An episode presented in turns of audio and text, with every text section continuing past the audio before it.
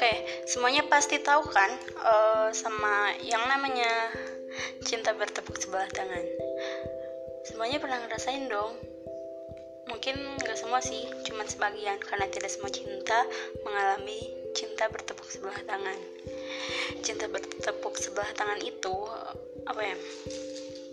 Jadi kayak kita suka sama si cowok itu, tapi tidak sebaliknya. Itu memang menyakitkan dan kita juga mungkin pernah ngelakuin apa aja buat si cowok yang kita suka itu. Padahal tidak sebaliknya si cowok itu tidak suka kita. Mungkin itulah cinta bertepuk sebelah tangan. Jujur saja aku pernah kayak gitu. Uh, jadi ceritanya dia tuh di kelas aku dan uh,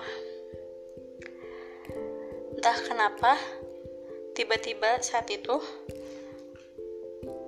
dia tuh sering apa ya sering chat aku di FB karena waktu itu HP dia hilang dia sering chat aku di FB dan itu kan uh, apa ya buat aku baper mungkin ya.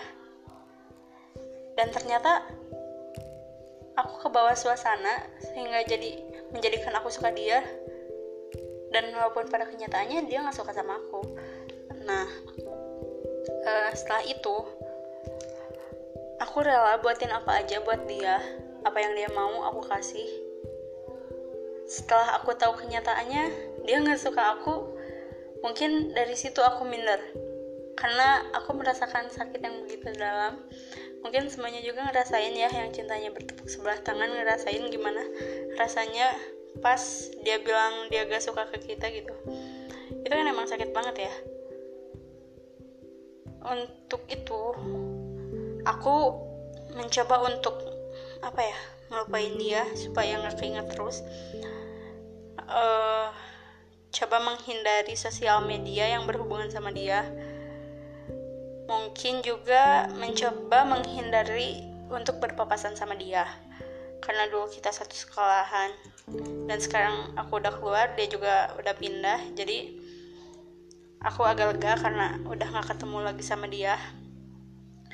Ya jadi kan aku bilang podcast ini cuman buat geje-gejean dan ini pembahasan aku tentang cinta bertepuk sebelah tangan.